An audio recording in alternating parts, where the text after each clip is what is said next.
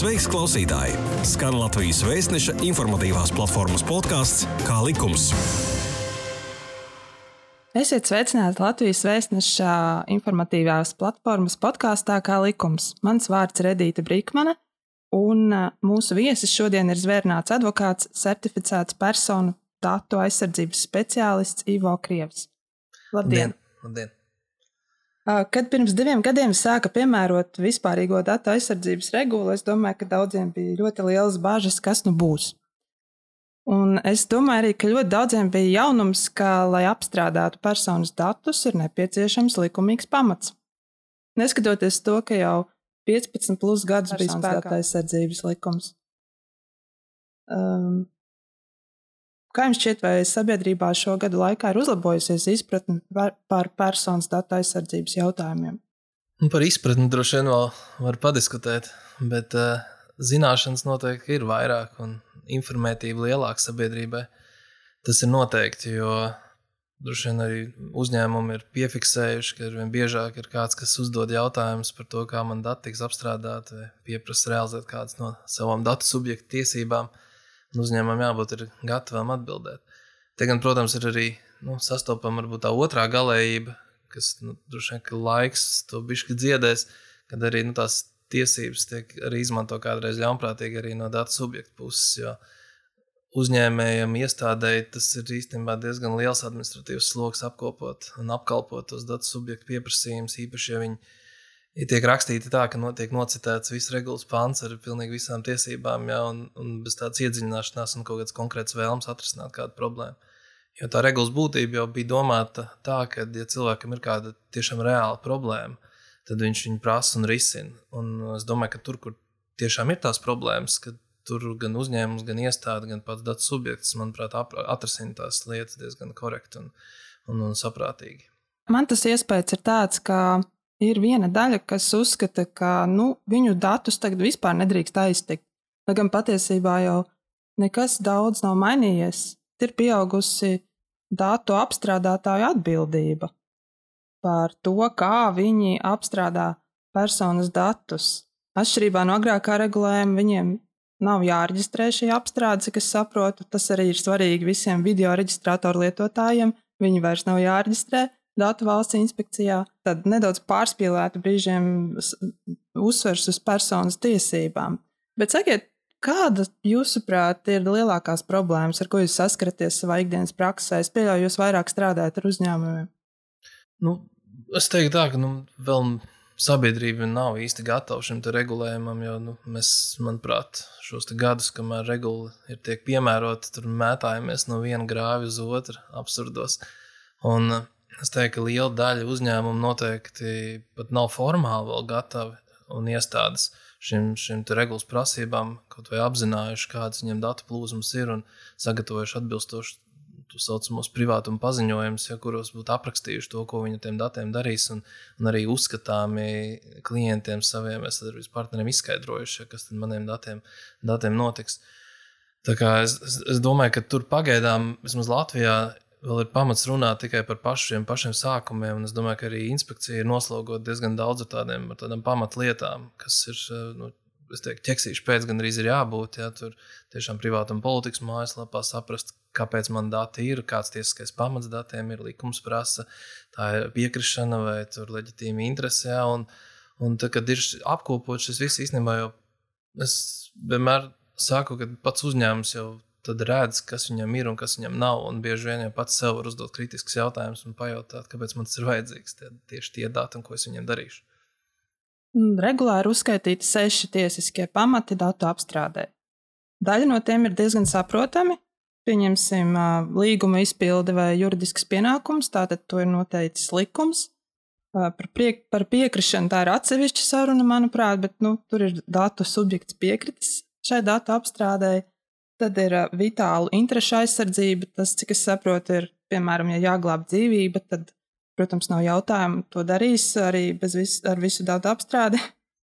Uh, man mazāk saprotamas liekas sabiedrības intereses, jo man liekas, viņas tik plaši interpretējamas, un arī leģitīmo interesu aizstāvība.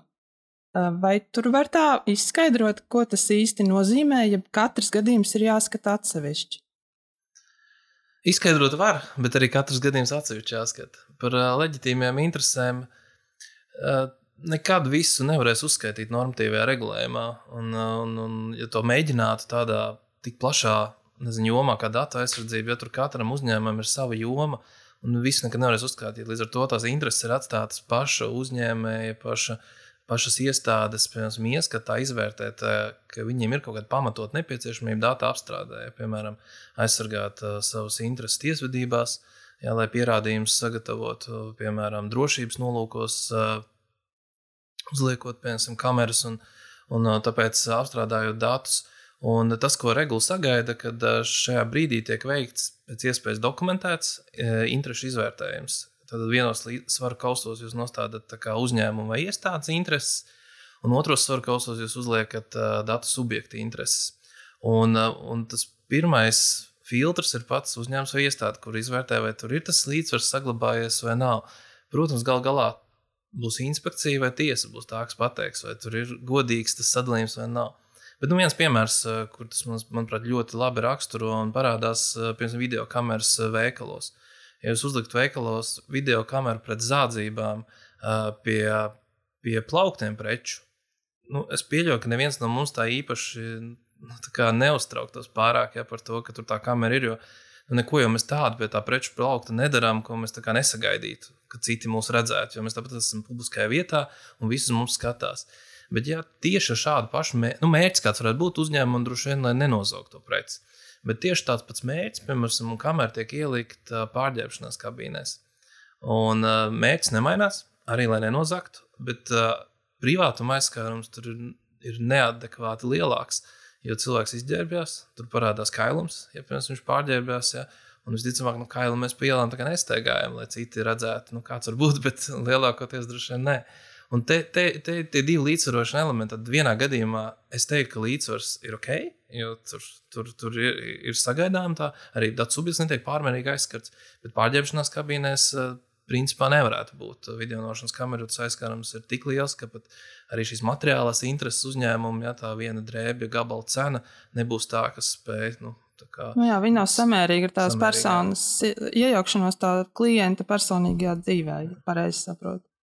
Kā ir ar personisko īpašumu? Teiksim, man ir māja, viņai apkārt ir sēta, vai es varu izlikt kameras, ka var redzēt tur ielu, kas iet garām šim īpašumam, vai nedaudz arī kaimiņu dārzu? Drīkst, ja ir mērķis.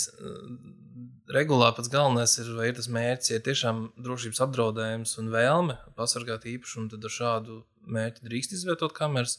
Tiklīdz viņas skar publisku teritoriju, ietvi, kaimiņu teritoriju, tā, tā vairs neskaitās personiskā vajadzība un ir, ir, ir, ir vajadzīgs visu regulā noteikti pamatojumi.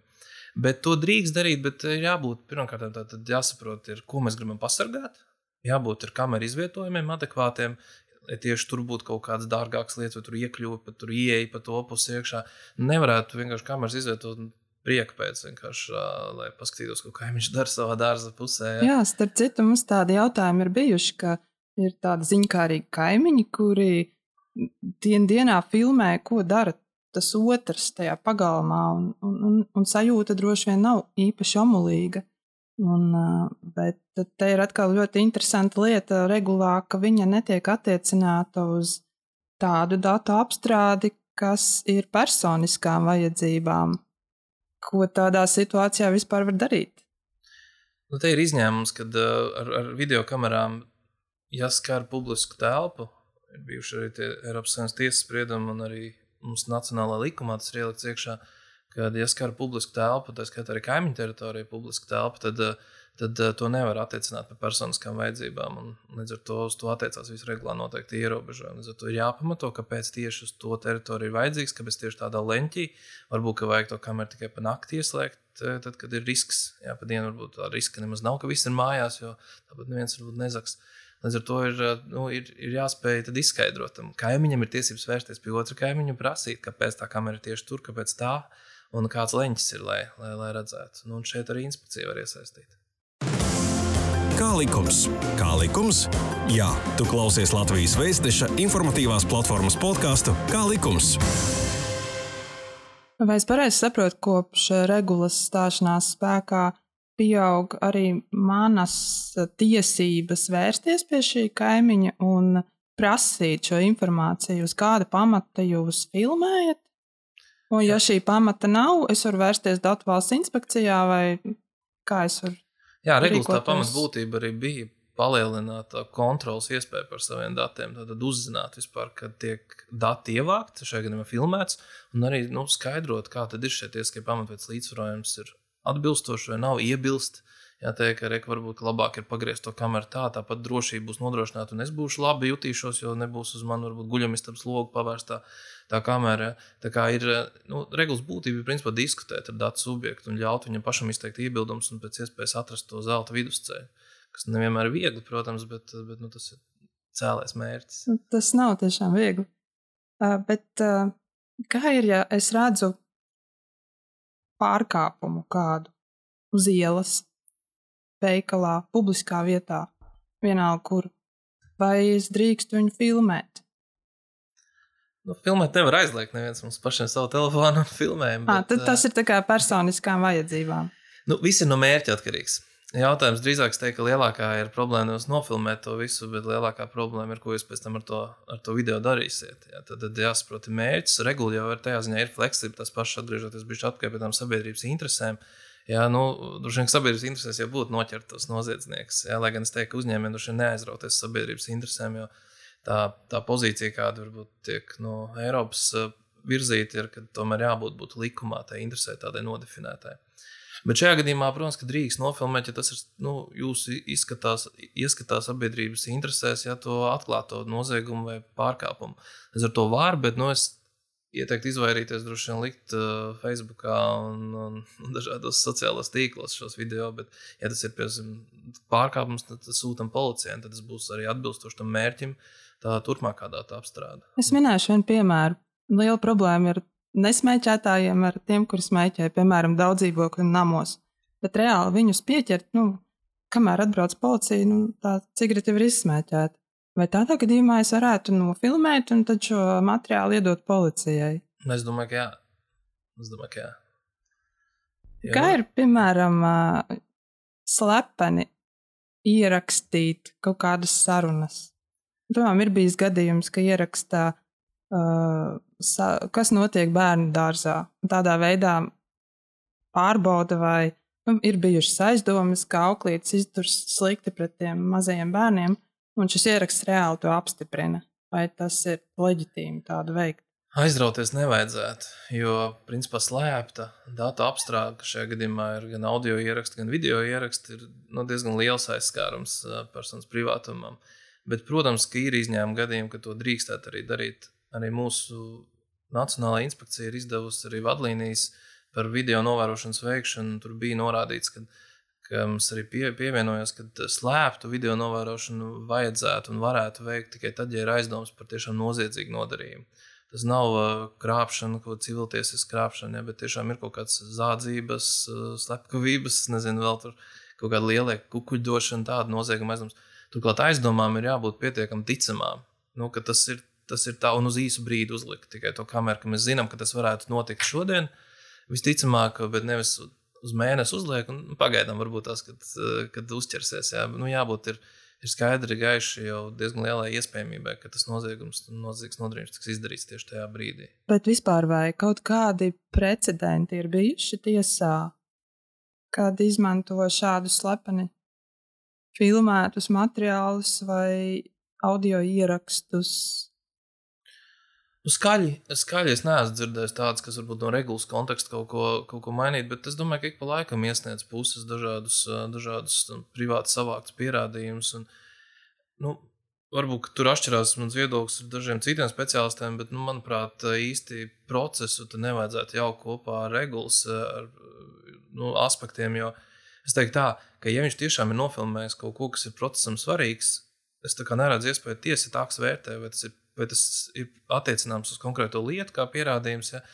Bet es teiktu, tā, ka regulas neievērošanai nevajadzētu noņemt uh, tiesības iesniegt to kā pierādījumu. Paralēli gan tas nenozīmē, ka to procesu nevarētu virzīt arī regulas kontekstā. Ja? Un, un es domāju, ka paralēli sūdzība arī varētu būt inspekcijai. Bet, Bet kā pierādījumu, nu, man liktos, ka, nu, lai sasniegtu taisnīgumu, viņi drīkst izmantot. Jā, nu, tas, ka paralēli var trāpīties uz sodu, varbūt no inspekcijas puses skatoties, vai uz kādu citu prasību no datu subjekta, morālo kaitējumu, nu, tas, tas ir, protams, jāpatur prātā. Tur citu vai automašīnas uh, reģistrācijas numurs ir uzskatāms par personas datiem. Jebkas, kas kaut ko liecina par personu, pat vismaz nozīmīgākā lieta, ka, ka, ka uz doto brīdi mēs atrodamies šajā telpā, vai fakts, ka mēs neatrodamies kaut kur citur, ir arī dati. Bet es domāju, ka laikam, tas jautājums varbūt vairāk bija nevis kā informācija vai tie kā personas dati, bet drīzāk ir, tas ir tas datu veids, kas mums ļauj identificēt personu. Viņš tā kā vēl darbojas divējādi, kā informācija un kā identifikators. Bet jā. nevienmēr auto īpašnieks pats ir pie stūres. Un tur vēl tā nelaime, ka var gadīties neprecīzi dati. Kad mēs pieņemam to, ka tā ir kāda cita mašīna un, un, un pieņemam negatīvās sekas, negatīvo sabiedrības attieksmi, attiecinām uz kādu personu, kas īstenībā nav bijusi vainīga. Bet uh, numurs, droši vien, nevajadzētu baigi ieciklēties uz to numuru. Tas nav vienīgais identifikators. Un bieži vien pat numuru nevajag, lai mašīnu spētu identificēt. Ir mums pietiekami daudz ekskluzīvas automašīnas vai ekskluzīvu krāsojumu. Tad tur tas numurs var būt nocēsts, un mēs tāpat atpazīsim viņu. Ne, nu es velku nedaudz uz tiem video reģistratoriem. Um, teiksim, es katru dienu braucu ar auto un uh, nofilmēju ļoti lielu personas datu, personas datu apjomu. Um, Vai ko es vispār drīkstu šiem datiem darīt? Mums ir par šo specifiski regulēts atšķirīgi no Eiropas, vismaz regulas konteksta skatoties Latvijā. Un mums ir noteikts, ka tikmēr, kamēr šos informācijas neizmantoju, nenodot kādam citam, es viņu drīkstu, nu, tā kā varbūt pielīdzināt personiskajām vajadzībām. Man nav tur īpaši jāievēro regulas konteksts un regulas visnoteikumi. Bet tiklīdz es kādam rādu, aculiecinieks, sociālajie tīkli vai policija, tā ieslēdzās regulas visu noteikumu. Protams, ka ar policiju es domāju, ka tur problēma nebūtu, jo, nu, visticamāk, jau, ka, ja mēs dosim policijai, tad tur ir kaut kāds pamatojums un ir kaut kāda negadījums, ja, ko mēs gribam parādīt. Bet nu, ar tiem ievietošanu sociālajos tīklos tur var, protams, sanākt ķibeli, jo nevienmēr ir tas mērķis tāds skaidrs. Bet šis ir ļoti interesanti. Mēs esam arī paši jautājuši Datu valsts inspekcijai, kā ir ar sociālajiem portāliem, Facebook, Twitter. Datu valsts inspekcija saka, ka sociālajie portāli ir mana personīgā dzīve. Tomēr es tur līdz ar to varu it kā likt jebko, ko es gribu. Kurā, kur ir tā robeža, kad es vairs nu, nevaru visu likt, ko es gribu? Man viņa arī pašai tā īsti nav skaidra. Nu šis, es domāju, ka vēl tiks diskutēts, kur tā robeža ir. Bet, uh, jā, regula īstenībā samainīja pret iepriekšējo regulējumu, kad direktīva bija spēkā un atzina to, ka sociālo tīklu lietošana ir personiskās vajadzības. Līdz ar to kā pamatā tā ir. Es gan teiktu, nu, no otras puses, gan jāsaka, nevar teikt, ka tur ir tāda visatļautība. Ja? Pagaidām varbūt nav tie gadījumi tik daudz, kad varbūt ir inspekcijas arī Eiropā, Eiropā un tiesas par šo sprieduši. Bet, nu, manā izpratnē, ka ir svarīgs tomēr mērķis ir arī sociālos tīklos, ka sociālos tīklos nav visatļautība. Un, eh, un man liekas, ka eh, tā tās personiskas vajadzības, tad uh, visam ir jābūt ar manu prizmu. Ja, piemēram, es šeit ar jums sēžu un nofotografēju sevi un ielieku iekšā, ka es pie jums biju, jūs tur arī būsiet fonā, bet caur manu prizmu ja es pie jums šeit biju atnācis. Un caur mani arī viss redzēs, ka es esmu pie jums. Savukārt, ja es nofotografēju vienkārši ar sevi nesaistītu lietu, vienkārši eju uz ielas un skatos, kā tas smieklīgi izskatās. Ja, un nofotografē un ieliek pasmieties par viņu sociālajos tīklos. Nu, es teiktu, ka te ir risks, ka tur vairs nav privāta vajadzība, jo, jo man jau kāda man pašam ir vajadzība no tā, un gan arī nekāda. Ja, tad, līdz ar to es teiktu, ka nu, vienalga jābūt uzmanīgiem. Bet tā, tas, ka regula neatiecās, tas nenozīmē arī, ka nav citu instrumentu, kā, kā aizsargāt sevi tiem, kurus tiek aizskarti. Jo ir, nu, nevarēs uz inspekciju iet, nevarēs varbūt tās to lielo sodu dabūt, bet nu, neviens nav atcēlis morāla kaitējuma prasījumus caur tiesu. Nu, tas gan būt sarežģītāk nekā uz inspekciju aiziet iesniegumu uzrakstīt, bet, bet eh, nu, tāda iespēja pastāv vēl joprojām. Kā likums? Kā likums? Jā, tu klausies Latvijas Vēstneša informatīvās platformas podkāstu Kā likums?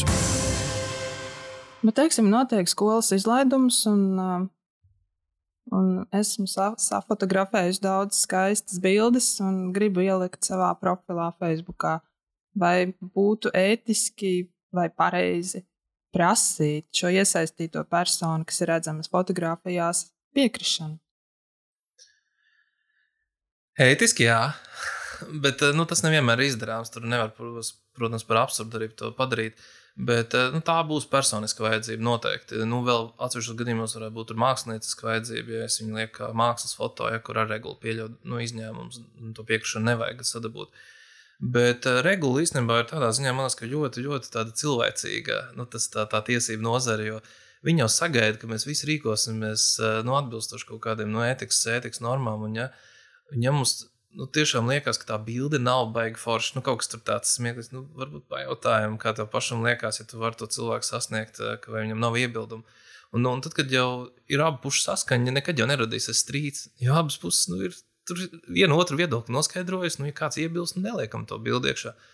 Tāpēc es teiktu, ka nu, no regula nepieprasa piekrišanu personiskām vajadzībām, bet nu, cilvēcību neviens at, at, atņēmis nav jā, un atcēlis. Un līdz ar to tas, tas noteikti ir regulas pamatā atrast to cilvēcisko vidusceļu, lai abām pusēm būtu labi. Bet ir kaut kādi instrumenti, kā es varu panākt, lai to bildi ir man izņem ārā? Nu, grūti. Es teiktu, ka uz doto brīdi instrumenti, droši vien tas, kurš iemācīsies vai uzprogrammēs kaut ko tādu, ka mēs varam tā noklikšķināt un izdzēst visu no interneta, ja, kas ir mūsu, tad tas pa miljonāru kļūs.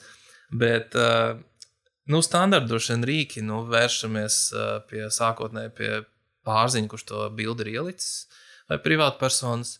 Pajautājām viņai, nu, saprātīgi viņai droši vien vajadzētu izņemt viņu ārā.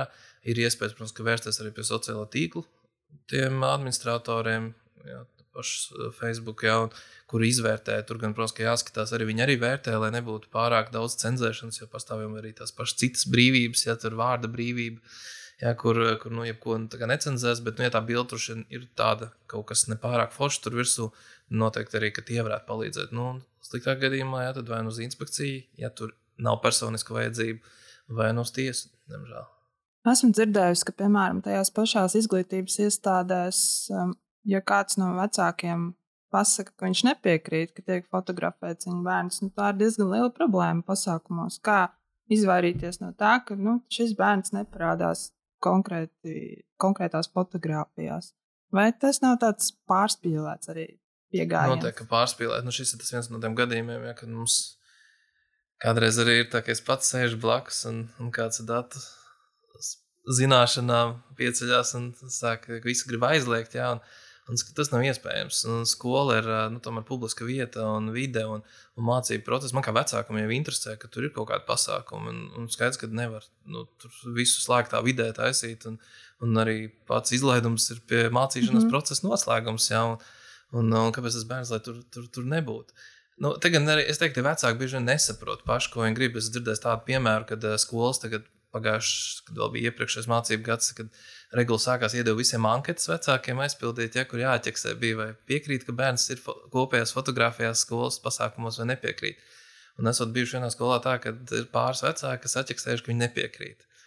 Un, un tad, kad bija kaut kāds no, no kopīgiem pasākumiem, ka visi bērni tikuši fotografēti kopā, un tie divi bērni ir nobīdīti nosacīti malā un nav tajā kopbildē, Es varu trīsreiz minēt, kas bija tie vecāki, kas atskrēja nākamā dienā uz skolu, ka viņu bērns tiek diskriminēts un atstumts. Jā. Tie bija tie, kas uzrakstīja, ka viņi negrib.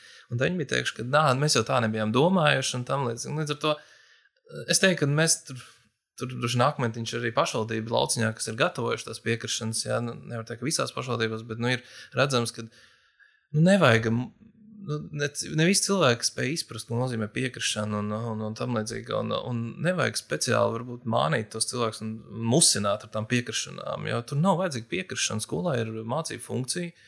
No, kas, kas būtu vajadzīgs, nodefinēt, ka mācības funkcijas ietvaros ir arī nepieciešama atsevišķos gadījumos publicitāte, kas ir ok, nodefinēt vecākam, pateikt, ka rekur publicitāte būs tādos un tādos gadījumos. Un, ja viņam tad ir iebildumi, tad viņš viņu izsaka iebildumus. Viņš saka, man ir tāda krīzes situācijas, baigi negribētu, ka mans bērns tur parādās. Jo, piemēram, mēs tur bēgam no vardarbīga otra vecāka. Ja. Visi tajā konkrētā situācijā, es pieļauju, ka skola taču nevienu vārdu neliks iekšā. Viņi tiešām tajā atsevišķā gadījumā paņems malā to bērnu un neieliks tajā fotografijā. Man tam būtu tas... jābūt uh, atrunātam kaut kādās vadlīnijās, iekšējās vai Tas būtu ieteicams. No skolām jau arī, arī valsts sektoram ir nepieciešams tie paši noteikumi, privātam sektoram ir jābūt tām privātām politikām, saucamajām, kurās ir aprakstīts tas, ko mēs datiem darīsim, kādiem gadījumiem darīsim. Arī tur tam būtu jābūt. Jā. Par to pārspīlētās attieksmes, pretrunīgo dabu, ja tā var teikt, man liekas, spilgti parādīja aplikācija aptur Covid, ka ļoti daudzi teica, nē, es neļaušu valstīm izsakot manus datus, lai gan tur vispār bija stāsts par pilnīgi kaut ko citu, bet vienlaikus tie paši cilvēki, viņi lejuplādē entās aplikācijas telefonā, kur uh, viņa, viņām ir atļauta pieeja manām bildēm. Es pat esmu redzējis, ko Google konta um, tam diskam prasa atļauju. Uh, tur ir milzīgi daudz datu, un tie cilvēki neprotestē. Viņi piekrīt, ka, ka kāds viņus izmanto kaut kādu iemeslu dēļ. Manuprāt, tā ir tāda liela pretruna. Man liekas, arī cilvēki īsti neapzinās, cik daudz datu viņi ikdienā kādam kā, dod pieeju tiem. Noteikti neapzinās. Es domāju, ka mums vēl ir tāda kiberhigiēna, to var nosaukt. Jā, kad, man liekas, ka ir jāmācās un jāmācās vēl. Jo, Jo, nu jā, to, ko mēs dzirdam, kad valsts nu, kaut ko mums prasa, mēs reiz gribam pretoties pret kaut kādām lietām, bet es pilnīgi piekrītu, ka nu, tā aplikācija, nu, cik es viņas papētīju no malas, neesmu tur bijis iesaistīts, bet, nu, manuprāt, tiešām ir tik saudzīga ja, pret no datu aizsardzības viedokļa, ja, un, un kad nu, tur lukturītis, kas telefonā ir uzinstalēts, ir nesaudzīgāks. Jā, varbūt jūs varat uh, uzskaitīt, nu, kā, kāda ir visbiežāk pieprasītie dati šajās mobilajās aplikācijās? Mēs jau neredzam, kas apakšā notiek, bet man, es domāju, pat ne aplikācijas. Es varu vienkārši uzskaitīt, kādi datu veidi ir pieejami piemēram telefona ražotājiem. Nu, kas ir telefona, ja, mums, mm -hmm. mēs, mums ir e-pasta telefonos, mums ir SMS telefonos, mēs svaru mēram tur telefonos, mēs skrienam, maršruti, kur mēs dzīvojam. Mums ir dažādas automašīnas pārvietošanās programmas, kur ir standartizētie maršruti, kur mēs zinām, ka katru vakaru mēs braucam uz vienu. Darbs ir tur, mēs pat ierakstām tur atslēgas vārdus, darbs, māja, uh, tam līdzīgi. Plus mēs vēl ielādējam visādas gudrās ierīces, kas mums ir mājās uh, caur telefoniem. Mums ir putekstūcējs, kas sazīmē mājās telpu izkārtojumu. Mums ir uh, leduskapie, kas jau tagad savienojās un dod, nodod ziņas. Mums ir apsardzes. Attālināts, mums ir apkurs attālināts. Jā, mums ir gudrie pulksteņi, kas uh, skatās mūsu sirdspūkstus un veselības stāvokli iekšā. Mums ir dažādas balss atmiņas, kur mēs pierakstām dziļo miegu, seklo miegu, panākt, ka mikrofonu visu laiku skatās. Es teiktu, tā, nu, nu tur Covid aplikācija ir tur, tur mazākais no tā visa. Un tad, principā, ja šis te viss ir, tad kādam tas teorētiski ir pieejams. Kā, vai es kaut kā varu kontrolēt to? Jo man liekas, ir tā, ja es nepiekrītu, nu, tad es nedabūju to pakalpojumu vispār. Nu, regula ir tāda cīņa ar veidzirnavām. Viņi tā mēģina cīnīties pret šo te, lai nebūtu tā, ka, ka tie pakalpojumu sniedzēji nu, nosīt izgriež rokas ja, un pasaka, vai nu grib pakalpojumu vai nebūtu. Negrib, ja. Skaidrs, ka tas nav droši vien nu, ideāls uh, rezultāts, nebūs ilgi, un, un tā ir tikai cīņa nu, ar to ar lieliem sodiem un tam līdzīgi. Bet nu, noteikti uzlabojums ir. Un, uh, un nu, pašiem sevi jāsargā. Nu, kritiski jāizvēlas aplikācijas, kādas mēs ņemam. Varbūt daudz ko mēs varam iztikt, ja, kad ir forši, bet, bet varbūt nevajag. Un, un īstenībā nu, tā kontrole regula paredz, ka mēs varam kontrolēt, visu kaut ko uzzināt un redzēt, tam līdzīgi. Bet nu, praksē tāpat jāsaprot, ka viņi pats sev nesargās, tad arī, nu, arī regula nepasargās. Kas varētu būt tie lielākie riski? Man bankas kontu kaut kādu paroles nozog. Nu, jā, nu, te riski jau ir dažādi kiberriski, ja, kad sākot no, sākot no tiešām kaut kādām pieejas tiesību zaudēšanām, ja, kad nu, ja paroles bankās, tad naudu var arī zaudēt, finansiāls risks, notiek sociālos tīklus. Ir interesi kādiem ļaundariem iegūt, kuriem īpaši ir lielāka sekotāja, lai pēc tam varbūt tās pārdot kaut kādas ja, reklāmas. Un, un tam līdzīgi otrs, trešais aspekts droši vien ir uh, Tas pašas, ka mums atklātu kādu informāciju, ko mēs īsti negribam, lai citi par mums zina, ja, kad mums ir dažādas bildes, varbūt safotografētas, ko mēs negribētu publiski, lai būtu. Jo līdz ar to, ja mēs iedodam kaut kādai neusticamai aplikācijai, tad mums nav garantija, ka viņi sargās tos datus. Ja, kā bankai mēs kaut kā uzticamies, bišķiņ, ka viņi nosargās tos datus. Ja. Tur mēs tā kā visādas bildes piekļuvām, ja tur safotografēt kailfoto, piemēram, ja, un ir jau Latvijā bijuši vairāk gadījumi, kad, kad viņi pēkšņi noplūst kaut kur vai kāds viņus uzlauž, ja, un, un, un, un dabū tā kā mums ir ko ir, ir, ir kur nu, pašam droši vien nelikt, jā, pēc iespējas tos bildes un mazāk informācijas dot kādam citam.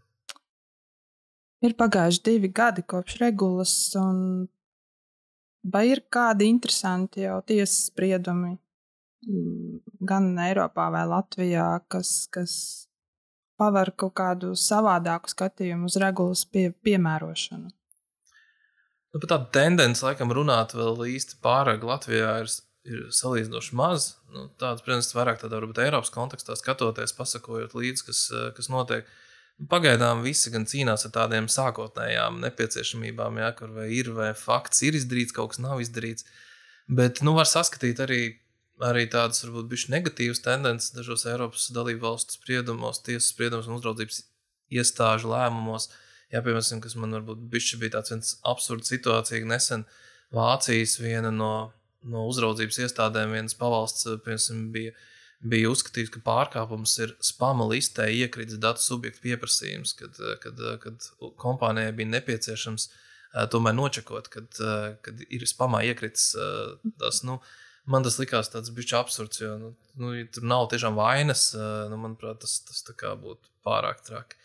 Bet no lielajiem, varbūt tādiem, kas varbūt saviņoja vairāk visu to regulas kontekstu, bija varbūt tikko šī gada sākumā bija ar, ar, ar, ar datu nodošanu uz Amerikas Savienotajām valstīm, ja, kur, kur, kur bija atcelts tas uh, starpvalstu līgums starp Eiropas Savienību un Amerikas Savienotām valstīm, kas paredzēja, ka tie uzņēmumi, kas atbilst nosacītām prasībām, noteiktām prasībām, drīkst apstrādāt arī Amerikas Savienotajās valstīs Eiropas Savienības iedzīvotāju datus. Nu, tur tika apšaubīts tas, ka viņi ievēro visas tie līgumā noteiktās prasības. Un, un tas saucamais privacy shield risinājums, principā Eiropas Savienības tiesa atcēla viņu uz doto brīdi. Ir tāds vakums, ja tiem, kuriem bija uz to pamatojums, bija jāmeklē cits kāds pamatojums, jāslēdz specifiski līgumi, kur arī tika apšaubīti ar Eiropas tiesas spriedumu. Tā kā principā uz doto brīdi ir tāds lielākais, laikam, kopš regulas pieņemšanas satricinājums ir tieši datu nodošana uz ārvalstīm, ārpus, ārpus Eiropas Savienības un ārpus Eiropas ekonomiskās zonas un tieši Amerikā.